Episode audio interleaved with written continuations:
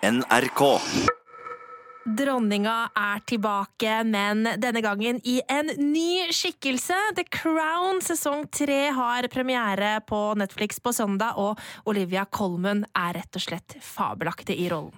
Danny Torrance er òg tilbake. Den lille gutten fra The Shining Ondskapens hotell har blitt voksen mann, ligner fælt på Ewan McGregor i grunn. Og det er fordi McGregor spiller superb i rollen som den voksne Danny i oppfølgerfilmen Doctor Sleep.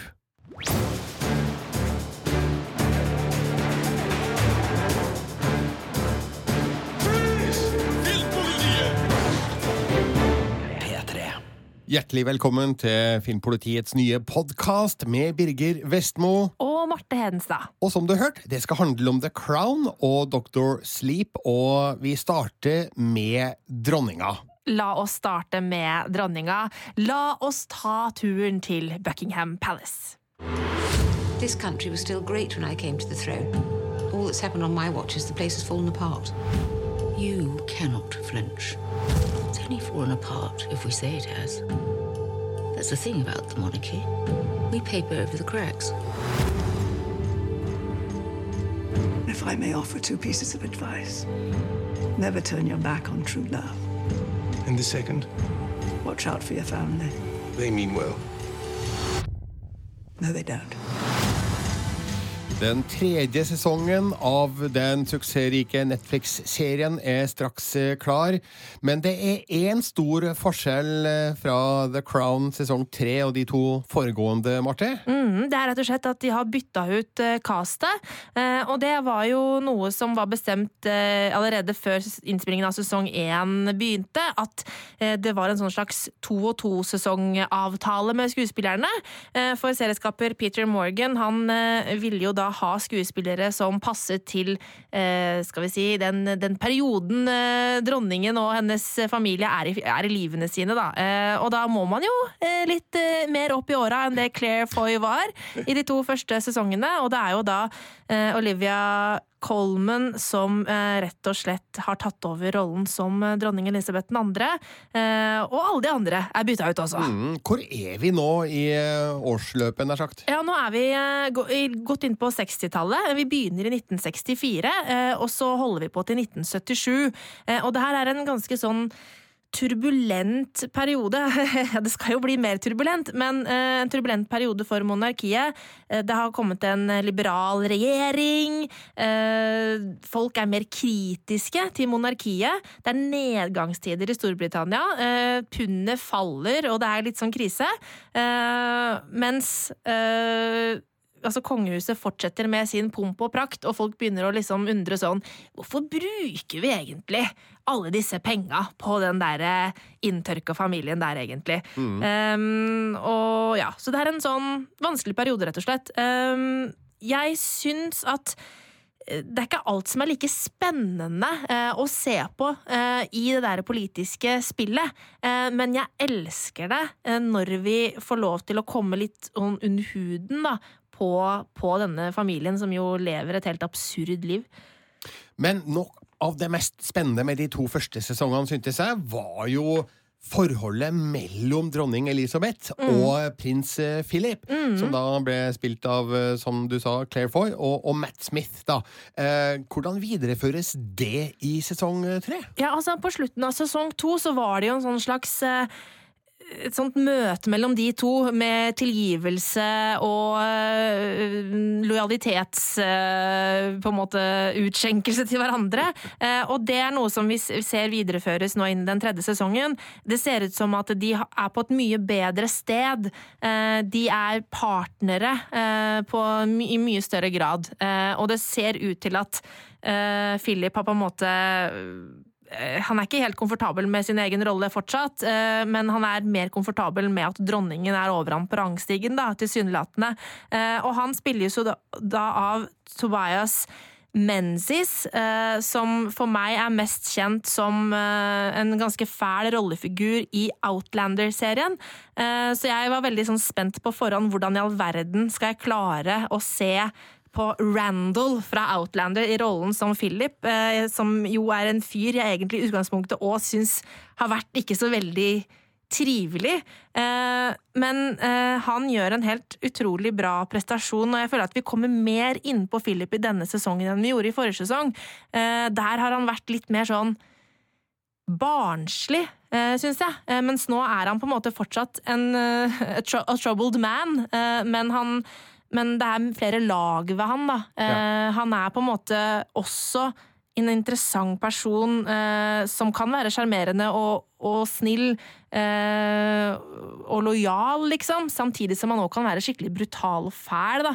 Eh, men ja, men han, han, klarer å gi litt mer dybde til figuren, eh, eller til personen, da, eh, enn en i de tidligere sesongene, syns jeg. Så, så det, det, er fortsatt et spennende, spennende å følge de to. Um, en av de beste episodene i sesongen uh, syns jeg er den som handler om eh, månelandingen, rett og slett. Uh, for det var noe som gikk veldig inn på prins Philip, uh, og som han syns var helt utrolig, selvfølgelig. Um, og, men begynte å på en måte måle sine egne prestasjoner i livet da, opp mot uh, Men se på hva disse astronautene har fått til. Og da får vi en sånn slags midtlivskriseepisode som er veldig bra, uh, og som, uh, hvor vi lærer Philip litt mer å kjenne. da, Som mm. fungerer veldig bra. Noe av det som er likt best med de to første sesongene av The Crown, er jo uh, måten uh, dette universet skildres på. Det er så stort mm. og staselig og pent og påkosta, og man får virkelig følelsen av fordums storhet. Eh, hvordan er estetikken ivaretatt i sesong tre? Ja, den er på alle måter ivaretatt. Altså, produksjonsdesignet er fortsatt helt uh, top notch. Uh, og kostymer og alt, alle mulige sånne helt sånne små detaljnivåer er veldig, veldig bra gjennomført. Uh, og så er det jo dette her med måten det hele er filmet på. hvordan disse store rommene klarer å ramme inn disse figurene som ofte kan se ensomme ut i all storheten, eh, eller at det filmes nært inn eh, liksom fra store rom til nært inn på rollefigurene og sånt noe. Vi får virkelig se eh, all den prakten som er rundt dem, samtidig som vi òg får lov til å komme på baksiden og på innsiden. Da. og det er det jeg syns Peter Morgan, serieskaper, er veldig god på. det å gi oss illusjonen eh, om at vi kommer på baksiden og innsiden av dette greiene. For jeg aner jo ikke hva, hva de vet som er sant. Om, hvordan kan de vite hvordan Philip og dronninga har snakka på bakrommet, liksom? Eh, eh, sånn at det, men det gir oss den der illusjonen av at vi får se pumpen og prakten på utsida og på fasaden, samtidig som vi også får lov å komme på innsida. Og det er, det er noe av det jeg liker best. da. Mm. Jeg liker best når vi liksom får lov til å eh, grave litt inn i, i følelseslivet og få se på en måte måte de store kontrastene om hvem disse her folka er, eh, i disse veldig grandiose omgivelsene. Det er veldig spennende. Og den, den ser jo fortsatt helt utrolig bra ut. Eh, men, men jeg, eh, jeg har blitt spurt uh, flere ganger uh, etter at jeg publiserte anmeldelsen om på en måte, ja, men hvor er det den legger seg på en måte sammenligna med sesong én og to. Uh, og jeg, syns at den kanskje sesong én er best, og så kommer denne sesongen, og så kommer andre sesong. Eh, jeg gir jo terningkast fire. Um, sesong to fikk også terningkast fire av Sigurd Vik, uh, vår kollega.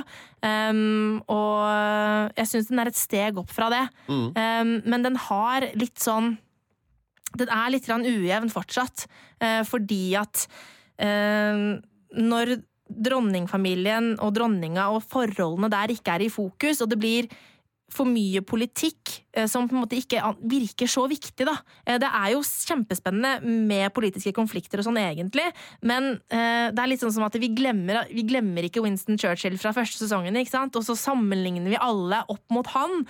Og det er jo ingen som er så spennende, så karismatiske som han var.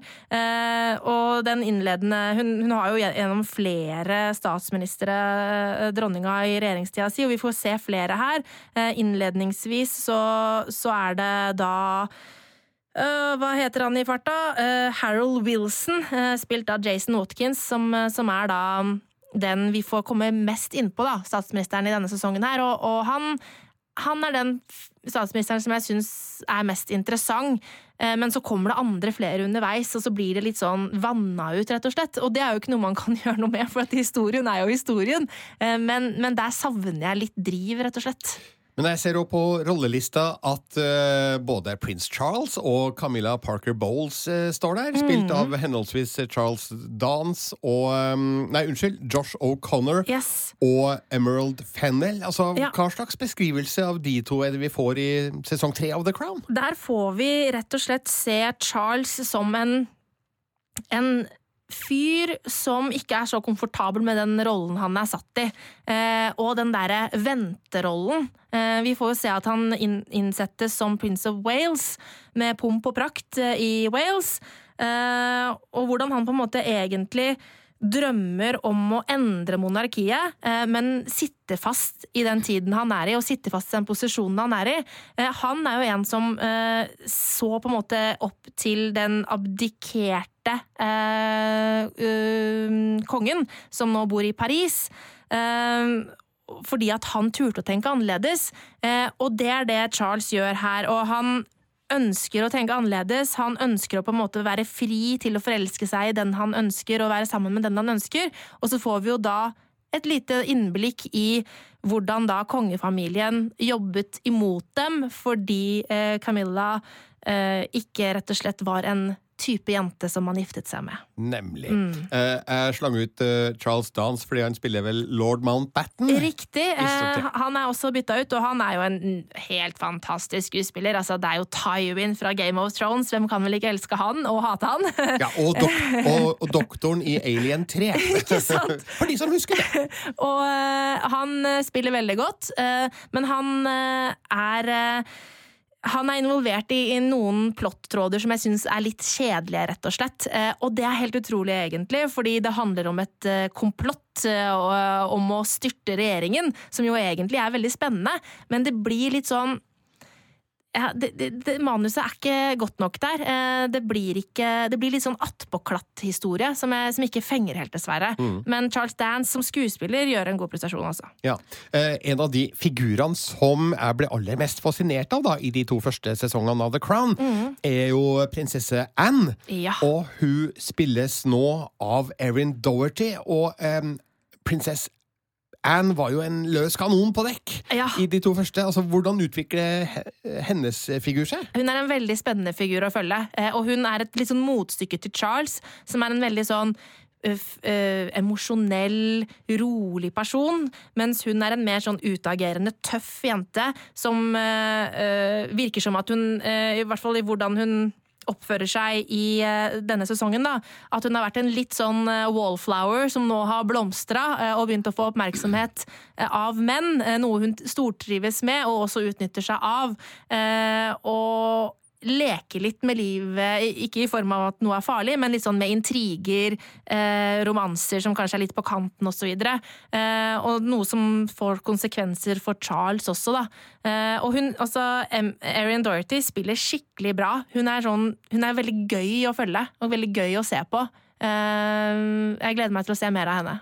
Blander jeg egentlig korta litt her nå? Er det prinsesse Margaret jeg tenker på? Eh, Princess Margaret er jo søsteren til dronninga, og hun også er jo et skikkelig wildcard. Ja, det var, det var hun jeg tenkte på, tror jeg, fra de to første sesongene. Ja, da, Mm. men det er, de er jo litt, eh, litt like, eh, de to, eh, de to i familien der. Og, og det er også noe som kommenteres i serien. Um, og hun spilles jo av sjølveste Helena Bonham Carter, uh, og hun er bare en fryd å se. Hun stjeler hver eneste scene hun er med i, eh, og er en ganske stor del av denne sesongen, fordi den handler jo om hvordan hennes ekteskap går i oppløsning, eh, og den skandalen eh, som fulgte ja, altså Jeg sier alt, jeg, for det er jo fakta. Ja. Den skandalen som fulgte i en sånn utroskapsskandale, da. Um, og Helena Bonham Carter, hun Altså, Hun er en så utrolig god skuespiller som klarer å spille på så mye. Hun har et veldig stort register. Hun er både den flamboyante personen som krever oppmerksomhet eh, og elsker å synge på fest og tar den plassen, samtidig som hun også kan være så liten eh, og sår da, i de veldig nære øyeblikkene. Eh, og det er noen veldig fine scener mellom eh, henne og Olivia Colman som treffer skikkelig sånn i mellomgulvet. Så det er en veldig spennende og god sesong for prinsesse Margaret. Men har vi egentlig snakka nok om Olivia Colman? Eh, Nei, vi har jo ikke det. Altså, man kan egentlig ikke snakke nok om hun, for hun er jo en så spennende skuespiller. Eh, og vi har, vi har nesten ikke snakka noe om hvordan hun er som dronninga, og det er jo det alle lurer på sånn egentlig. Ja, Vi burde egentlig starta med det, Ja. men uh, nå får vi et feiende flott punktum i stedet for. Ja. Altså, Vi elsker jo hun fra filmer som Hot Fuzz og Tyrannosaur og The Lobster og The Favourite, og ikke minst også da TV-serien eh, Broadchurch. Ja, og ikke minst eh, Fleabag, hvor hun har en forferdelig, men god birolle. Ikke minst, ikke minst Fleabag. Ja, det er helt korrekt. Men uh, hvordan er hennes dronning Elisabeth i forhold til Claire Foys versjon da, fra de første sesongene? Uh, jeg må bare si, Der innledes serien på litt sånn fiffig vis. eh, Kanskje litt sånn eh, platt, eller ikke platt, hva er det jeg skal si, litt, litt sånn bardus på, kanskje. eh, med en sammenligning av eh, to frimerker. Så, for det gis ut en sånn frimerkesamling av dronningen som ung, og dronningen som ikke gammel, men voksen monark. Nemlig. Eh, og da kommenterer jo da Olivia Colman selv ja, gud, liksom hvor gammel jeg har blitt, se på, og så er det da bilde av Claire Foy ikke sant, på det første frimerket. Eh, sånn at eh, vi, Hun kommenterer den overgangen der selv med en gang, sånn at eh, et lite nikk til publikum der med at ja, vi veit at vi har bytta skuespiller, eh, nå går vi videre herfra.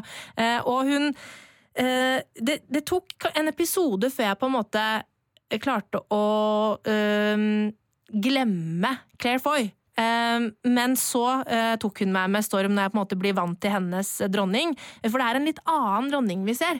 Eh, Og det er ikke bare Olivia Colman sitt spill, men også manuset. Eh, Hun er en jeg syns hun virker litt varmere, og det er handler om måten Colman spiller henne på, men også er en litt mer sånn usikker dronning, og det forundra meg litt da jeg så eh, sesongen, fordi man skulle kanskje tro at ok, nå har hun vært regent ganske lenge, hun eh, er mer voksen, hun burde kanskje vært mer trygg i rollen, men eh, hun fremstår som vel, fortsatt veldig styrt, og kanskje enda mer i større grad styrt da, av på en måte de rundt seg, og på en måte hele det der apparatet, som jo er slottet, liksom. Eh, og redd for å bryte ut av eh, konvensjoner og regler som på en måte dronningen alltid har fulgt. Eh, noe som jo får konsekvenser for henne i en tid hvor eh, monark monarkiet på en måte begynner å bli gammelt, ikke sant. Eh, men eh, jeg syns hun bidrar Altså, hun gir veldig mye til, til figuren, og uh, hun er så god på det å ilegge manuset også mer enn det som bare står på papiret, da. Uh, med ansiktet sitt, og, og vise på en måte det, det ligger ting under den litt sånn eh, kalde, til tider overflaten. Eh, og så er hun også morsom. Eh, og nå får vi plutselig en dronning som drar vitser, ikke sant? Og sånne tørre kommentarer og sånn. Så hun er på en måte sjarmerende, varm, men samtidig også usikker. Eh, en veldig spennende dronning. Eh, men det som jeg har litt problemer med, er og det er jo egentlig noe som er gjennomgående i alle sesongene, at Peter Morgan han kritiserer aldri monarkiet på noe vis. Han er veldig snill mot dronninga, eh, og hver gang hun gjør noe feil, hver gang hun på en måte driter seg ut, rett og slett, da, så er det, er det liksom ikke helt hennes feil. Nei. Fordi ja, men det var de rundt henne som sa at hun ikke kunne gjøre det, og så bare fulgte hun det de sa. Det var på en måte på grunn av at hun er født inn i denne verdenen som gjør at hun oppfører seg sånn. Så det er alltid på en måte litt sånn unnskyldninger som gjør at vi egentlig ender opp med å synes synd på henne i situasjoner hvor vi kanskje burde vært mer kritisk, da. Er det engelskmenns iboende dype respekt for monarkiet som ligger bak, tror du? Kanskje. Kanskje det er det. Eh, for det, det henger litt igjen. Eh, og, det, og det jeg kunne ønske at eh, serien var litt tøffere der, da, og turte å, å være litt mer kritisk, rett og slett. Ikke at jeg er noen sånn motstander av eh, kongehuset, eller noe sånt, men det, bare, det hadde gitt et litt ekstra lag da, som hadde gjort serien enda bedre. Men er The Crown fremdeles eh, god underholdning, da, i sin tredje sesong? Det er jo absolutt eh, fremdeles god underholdning. Jeg, jeg så det her i, i eh, to sittinger. fem episoder og fem episoder og Eller nei, seks episoder og fire episoder var det kanskje, men samme det. Jeg, jeg storkosa meg jo. Og det gir jo sesongen terningkast fire fordi den er noe ujevn, men på sitt beste så er den jo helt fabelaktig. Men uh, du sier at uh, historien her nå går fram til 1977. Mm. Det betyr at Det er først i fjerde sesong at vi får en viss prinsesse inn i bildet, vil jeg anta? Det stemmer, eh, og nå har jo på en måte eh, grobunnen for det blitt lagt, da, med på en måte det som skjer eh, med Camilla, som jeg ikke husker hva heter før hun blir Parker Bowles. Eh, og det, den forelskelsen som på en måte sitter dypt i Charles der. Så da blir det veldig spennende å se hva som skjer når Diana kommer inn i bildet, og hvordan kongefamilien reagerer på det. Vi vet jo hva som skjedde til slutt, men eh, det blir spennende å se hva som virkelig skjedde! Men nå kan man altså først se sesong tre da, av The Crown på Netflix, med premiere På søndag 17. november.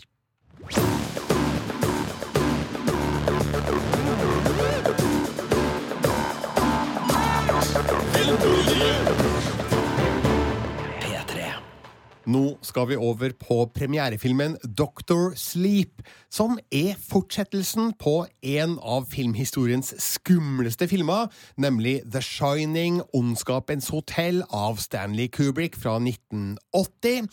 Den eh, har vel vi begge sett, Marte? Ja, og den har gjort meg veldig redd, og jeg har faktisk ikke sett den på en del år nå, fordi jeg ikke tør å se den igjen. Nei. Jeg hadde en fantastisk kveld for flere år siden. Jeg var alene hjemme. Det her var mens jeg fremdeles bodde hjemme hos mamma og pappa. Eh, Vi har et eh, stort hus eh, litt ute på landet, og jeg skrudde av alle lysa, satt på TV-en på full lyd og så The Shining, og blei så dritredd at jeg måtte skru på litt lys. det skjønner jeg godt. Eh, ja, så eh, jeg liker jo å tro at jeg nå er litt mer garva, slik at det kanskje ikke har skjedd i dag. Men eh, da jeg så The Shining den gangen, jeg var vel seint i tenåra da, så gjorde den et stort inntrykk. Jeg har sett filmen flere ganger etterpå, og eh, ja, blir jo ikke like skremt, selvfølgelig, men det er fremdeles uggent å se hva som skjer med familien Torrance på The Overlook Hotel langt opp av et fjell i Colorado. Og det her er jo med rette en uh, film som uh, beregnes som en av de store klassikerne i sin sjanger. Ja, i enhver sjanger, egentlig. Så det å skal komme med en oppfølger til den nå i 2019 det er modig gjort, men eh, grunnarbeidet er jo for så vidt gjort da, av eh, forfatter Stephen King, som jo da ga ut en oppfølgerbok eh, i 2013 til sin egen berømte roman. Så nå er den her, Doctor Sleep, men hvor god er den egentlig? When I was a kid, there was a place. A dark place. They closed it down and let it rot.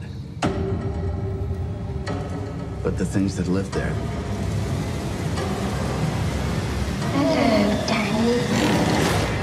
They come back.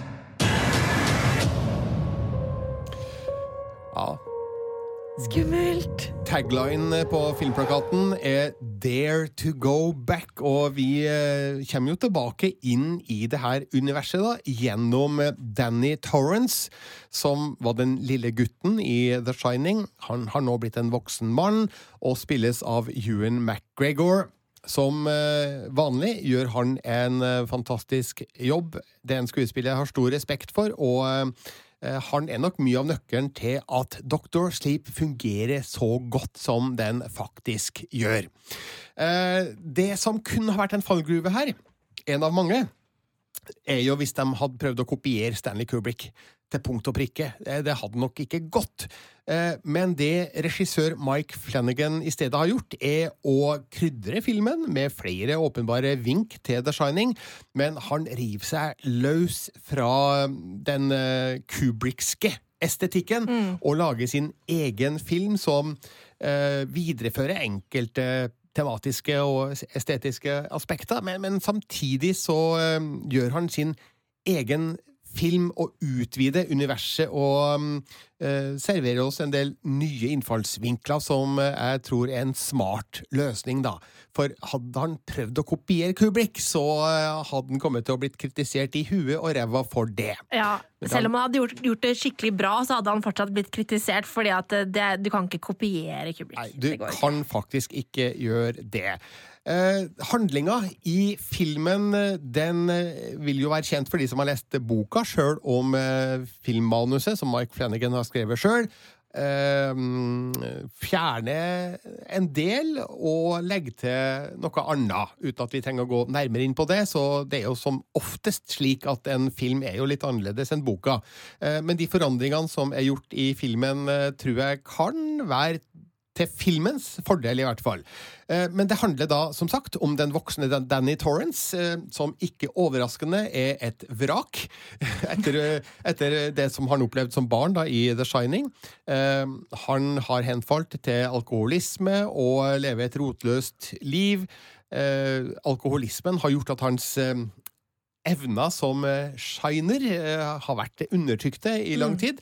Men nå eh, river han seg løs fra sitt gamle liv og eh, flytter til en eh, liten by der han får hjelp, og han får jobb, og han eh, blir eh, tørrlagt, og da dukker disse kreftene opp igjen. Og han får telepatisk kontakt med ei ung jente et annet sted i USA, hvem vet hvor, som viser seg å ha kanskje enda sterkere eh, shiner-krefter enn det han sjøl har. Og så blir hun da uforvarende mål for en gruppe omreisende shinere, som på en måte da suger kraft ut av eh, ofre, som eh, også er shinere. Eh, man er shiner av ulik grad i det her universet, så de eh, går rundt og tilegner seg krefter til shinere de tar livet av. Og nå er denne unge jenta deres nye mål, for hun er sannsynligvis da et av de største målene de kan ha da i USA. Og der må da eh, godeste Danny Torrance eh, konfrontere sin egen fortid, og han må på en måte omfavne de kreftene han har prøvd å undertrykke i så mange år for å prøve å redde denne jenta. Og det, det her er utgangspunktet. Jeg har ikke spoila noe spesielt her nå, føler jeg, så eh, jeg trenger ikke å si så mye mer om akkurat eh, hva som skjer. Men eh, det her syns jeg da mm, resulterer i en spennende film med mange gode grøss. Og eh, en del eh, gode personkarakteristikker. Det er blant annet eh, et, et fint eh, kameratslig forhold som etableres i filmen her, mellom eh, Danny Torrance og, og Billy, spilt av eh, Cliff Curtis, eh, som da eh, i en stor del av filmen er en viktig person. og da, da har vi altså to store britiske skuespillere i eh, de viktigste hovedrollene her, og det kan jo være rett og rimelig sånn rent eh, filmatisk sett, siden eh, The Shining Ondskapens hotell ble jo innspilt i London. Det har alltid vært litt sånn eh, irriterende for meg at jeg fant ut av det. At eh, nei, det ble ikke innspilt i Overlook Hotel langt oppå vidda eller opp- oppe i fjellet i Var det Colorado. Ja, Det var Elstree Studios i London. Så, eh, men det, eh, ja, det er bare sånn det er. Juks og fanteri, alt eh, sammen. Men det jeg lurer på, Birger, den, altså, The Shining, det som er så jævlig med den, er den derre den følelsen av uhygge og ubehagelighet som ligger der hele tida. Eh, det, klarer denne her filmen å gi den samme følelsen? Ja, ikke helt på den samme måten, kanskje, for um, Doctor Sleep er en litt mer konvensjonell grøsser da enn eh, Stanley Kubricks film, som uh, spilt mer på stemninga og det usette og det usagte. Og eh, her går nok Mike Flanagan litt mer direkte til verks, men eh, det syns jeg fungerer innafor denne her filmens eh, fiksjonsramme. Eh, det er av og til at visse handlinger og mm, litt av dialogen eh, kan virke litt mer tradisjonell da, enn den kanskje Brudd har vært i uh, Dr. Sleep. Men eh, jeg syns ikke det ødelegger for mye. Jeg syns at Flanagan har greid å um, formidle Shiner-universet på en litt ny og spennende måte her. Det har litt å gjøre med hva shinere er i stand til å gjøre med sine krefter, som jeg ikke trenger å si noe mer om. Eh, enkelte situasjoner i filmen kunne nok ha blitt løst litt mer eh, sprettent og lekende, rent sånn eh, filmmessig. Eh, men jeg syns at det er såpass mye mørke som ligger under handlinga i Dr. Sleep, at jeg føler uhyggen kom krypende på, altså jeg gjorde det. Det er da også, som jeg sa innledningsvis, flere smarte vink til The Shining her, som fansen vil sette umåtelig stor pris på. Eh, og jeg vil jo da heller ikke her si akkurat hva det dreier seg om. Men eh, jeg syns at det er en verdig oppfølger til The Shining. Og Sjøl om eh, Mike Flanagan ikke har prøvd å kopiere Kubrick, så står denne filmen da støtt på, på egne ben, syns jeg. Eh, Flanagan har for øvrig, og da snakker om Mike Flanagan her nå, regissør og manusforfatter og klipper, faktisk. Han har laga en Stephen King-film før, eh, Geralds lek fra 2017, som jeg ikke har sett. Før det så har han laga Ouija, Origin of Evil. Evil. Han har laga Before I Wake, og så har han også da um, hatt regien på serien The Haunting of Hill House. Å ja, den i Netflix. Ja. Den har ikke jeg turt å se, her, fordi jeg hørte at den var så jævlig skummel. Jeg har heller ikke sett den, men jeg spørs om jeg må det nå, da. Ja. Fordi jeg er rett og slett imponert over det Mike Flanagan har greid å gjøre da, med Dr. Sleep. For jeg tenker det, du må være litt gæren i hodet for å tørre å kaste deg på en oppfølger til en Stanley Kubrick-film. Ja, det er fader meg sant. Altså, herlighet, hvem er det som tør å gjøre det? Du Men- må være litt sjuk. Du, du må det. Men da jeg så filmen, så uh, Det var tre filmer jeg tenkte på da jeg så Doctor Sleep. Den ene var 2010. Oppfølgeren til 2001, en romodyssé, eh, som jo også var en Stanley Kubrick-film, selvfølgelig. Eh, Peter Hyams laga 2010 i 1984, og han gjorde det samme som eh, Flanagan gjør i Doctor Sleep. Altså videreføre visse aspekter, men, men lage en litt mer tradisjonell film, der han normaliserer litt av den mystikken da, som originalfilmen hadde.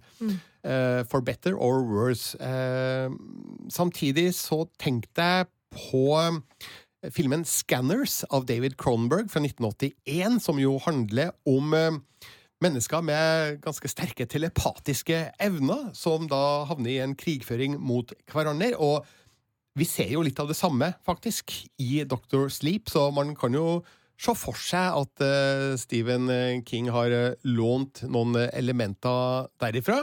Og så tenkte jeg på vampyrfilmen Near Dark fra 1987, debutfilmen til Catherine Bigelow, som er en utrolig kul film om en eh, gruppe omreisende vampyrer. Og i Dr. Sleep har du en gruppe omreisende shinere, og jeg følte at det var en del eh, likhetstrekk eh, der. Sjøl om den gjengen vi møter i Dr. Sleep, er, den er ikke like kult skildra da som de i Doctor Sleep, for eh, flere av dem for, forblir anonyme, og eh, ja, da eh, kastes det potensialet på en måte bort, da. Men jeg er ikke helt overraska om Mike Flanagan har latt seg inspirere da av de tre filmene som jeg nå har nevnt da, i forarbeidet til, til Doctor Sleep. Men vet du hva, det er én person jeg har glemt å nevne. Ok? Rebekka Ferguson. Ja. Den, svenske skuespilleren som mange har sett i ja, for eksempel eh, eh, Mission Impossible. Filmen, uh, hun uh, spiller jo da en figur her som uh, heter Rose the Hat. Hun har alltid på seg en spesiell hatt, og det er vel det som er grunnlaget for, eller bakgrunnen for at hun har det navnet. Hun er da lederen for denne omreisende gjengen, og hun spiller en kul figur som samtidig er skikkelig creepy og skummel. Eh, virker ikke sånn når vi først møter hun, men etter hvert så oppdager vi hva hun og hennes gjeng faktisk gjør på sine øh, reiser, og der er det spesielt én scene som jeg ikke skal si så mye om, men er, den er, den er, den er, den er direkte grusomt ekkel å se. Og det Oi, når du bare sier at ting er grusomt ja, det virker bare helt feil, det som eh, skjer. Og jeg tenker at filmen har fått 15-årsgrense, og det er nesten litt lavt med tanke Oi. på det som eh, skjer. Men OK, mye av det som skjer i akkurat den nevnte scenen, som jeg ikke skal avsløre, det, det, skjer litt sånn off camera, da. Okay. Men eh, det, det, det, det, antydes veldig kraftig hva som pågår, og eh, det var en skikkelig stygg, jævlig scene som eh, inntrykket av den omreisende gjengen og eh, hva de er gode for, eller eh, hva de er vonde for, må Mm. vi kanskje kunne si da. Jeg må bare spørre, Birger. Hvordan er det? Eh, Er det sånn at eh, man må se den filmen her? Eh, Altså, hvis man på en måte digger The Shining, som jo jeg gjør, men ikke har turt å se på lenge, eh, fordi jeg syns den er så skummel, eh, eh, jeg bør jeg komme meg på kino, liksom?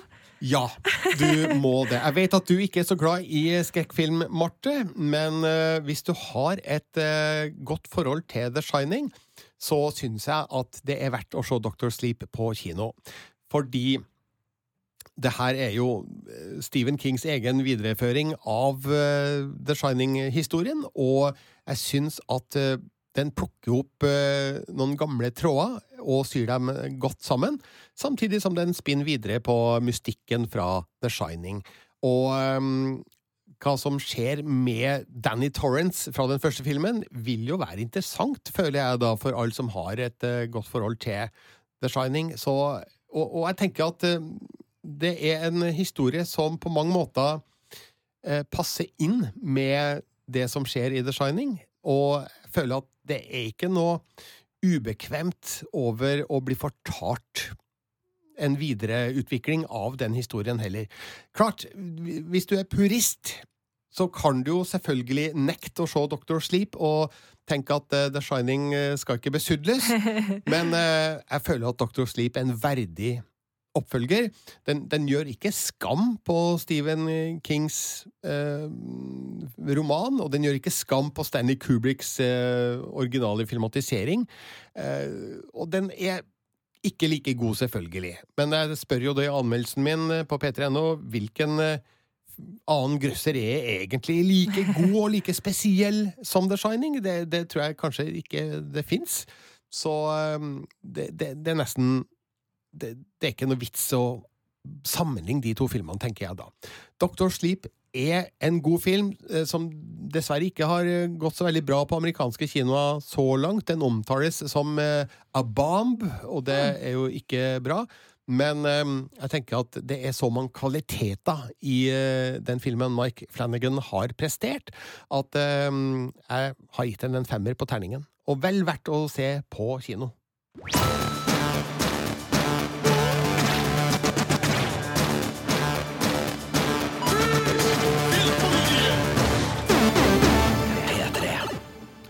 Vi er snart ved veis ende på denne podkasten, men eh, vi skal bare nevne at eh, du, Marte, har anmeldt eh, en annen film på våre nettsider. Yes, den heter Hvitur, hvitur, dagur, eller En hvit, hvit dag. En, eh, det er den islandske mm, Oscar-kandidaten til beste fremmedspråklige film, eller beste ikke-engelskspråklige film, Eh, og det er en eh, veldig fascinerende, utfordrende og god dramafilm som jeg gir terningkast fem.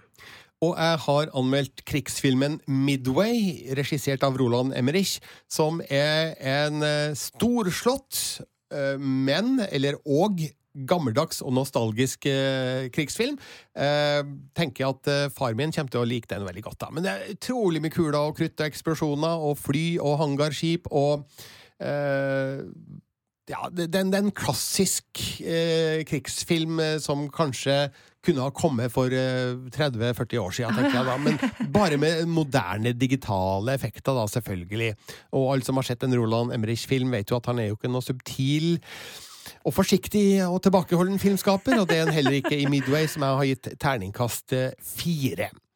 Eh, Om en uke så er det da selvfølgelig en ny premierehelg på norske kinoer, og vi skal nok eh, da komme innom den norske filmen eh, Håp med Andrea Brein Hovig og Stellan Skarsgård, og så skal vi eh, innom eh, filmen Skin med Jamie Bell fra Billy Elliot i rollen som amerikansk nynazist. Oi, spennende. Og så må vi snakke om en stor Netflix-film i neste ukes podkast, Marte. Oh yes, The Irishman. eh, Den skal jo settes Eller den er på kino i ei uke eh, før den kommer på Netflix. Eh, Scorsese eh, kommer tilbake. Eh, Vi må snakke om den, rett og slett. Men nå er det ferdig for i dag. Du kan gi oss en rating og en kommentar eh, der du fant podkasten. Du kan følge oss på Instagram og Twitter. Send oss en mail på filmpolitiet nrk.no hvis du har noe du vil si. Jeg heter Birger Vestmo. Og jeg heter Marte Hedenstad.